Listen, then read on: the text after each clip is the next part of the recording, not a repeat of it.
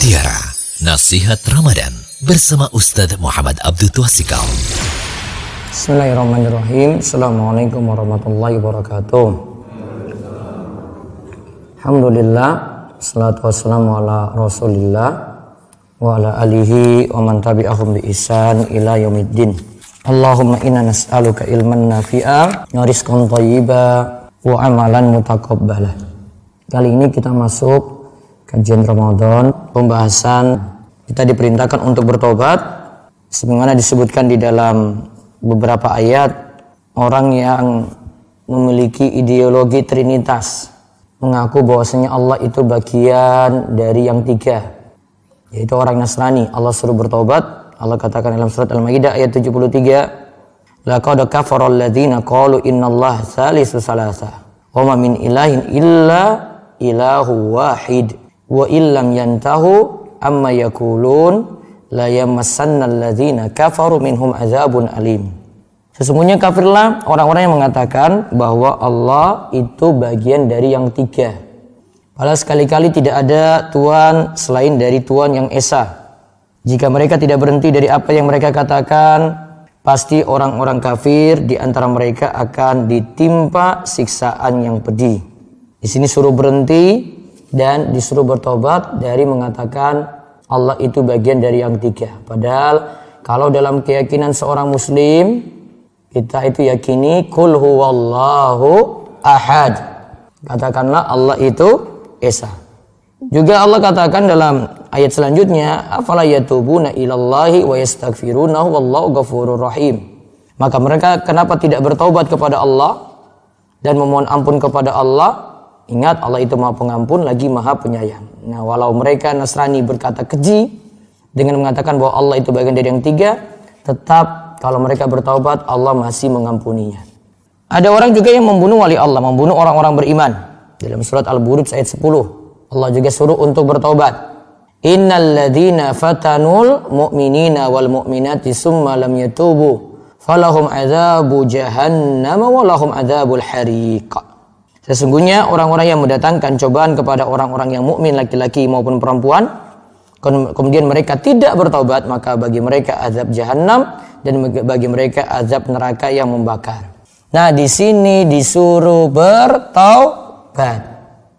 Maka Imam Ibnu Katsir katakan, niatlah pada orang-orang yang merasa mulia tersebut, mereka telah membunuh wali-wali Allah dan Allah masih menyeru mereka untuk bertobat. Jadi ayat-ayat yang memerintahkan untuk bertobat itu sangat banyak sekali. Dan kalau orang itu bertobat, di halaman 86 dari buku Mutir Nasihat Ramadan ini disebutkan, jika dahulu seorang itu memiliki kebaikan, lalu ia beramal kejelekan yang dapat menutupi kebaikan yang kemudian setelah itu tobat, maka kebaikan-kebaikan yang dulu bisa kembali lagi. Misalnya ada orang kafir, dia itu berbuat kebaikan saat dia itu kafir lalu dia tobat masuk Islam maka kebaikan-kebaikan yang dia lakukan saat kekafiran itu bisa balik kembali. Dari Hakim bin Hizam ia berkata pada Rasulullah Shallallahu Alaihi Wasallam wahai Rasulullah bagaimana menurutmu mengenai berbagai perkara kebajikan yang aku lakukan di masa jahiliyah? Ada amalan silaturahim ada amalan membebaskan budak dan sedekah. Apakah semua itu tetap dicatat sebagai kebaikan? Maka Hakim kemudian mengatakan bahwa Rasulullah SAW itu bersabda aslamta ala masalaf min khairin. Jika engkau masuk Islam, maka kebaikanmu di masa silam akan dicatat sebagai kebaikan.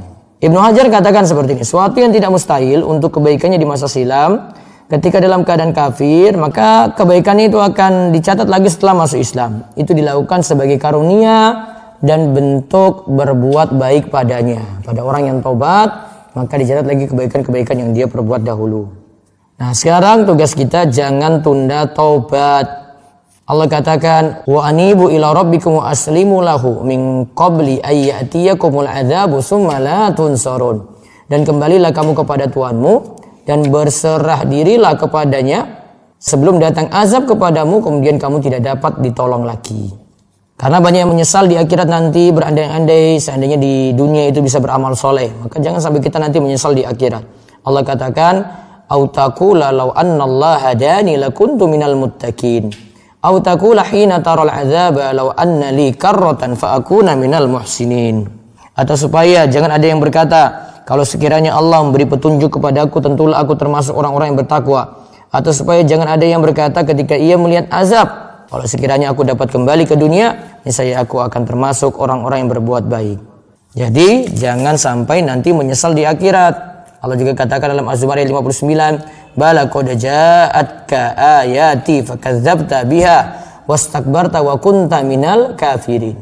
Bukan demikian sebenarnya telah datang keterangan-keteranganku kepadamu lalu kamu mendustakannya dan kamu menyombongkan diri dan adalah kamu termasuk orang-orang yang kafir. Jadi intinya jangan menunda taubat. Kalau enggak Ramadan kali ini mau berubah, kapan lagi? Nah, maka di sini adalah seruan-seruan Allah pada orang Nasrani yang mengatakan Allah bagian dari yang tiga, yang membunuh wali Allah tadi di surat Al-Buruj. Kemudian disuruh untuk bertobat dan juga dikatakan pada Hakim bin Hizam kalau dia masuk Islam nanti kebaikan yang dia buat dulu tetap dicatat.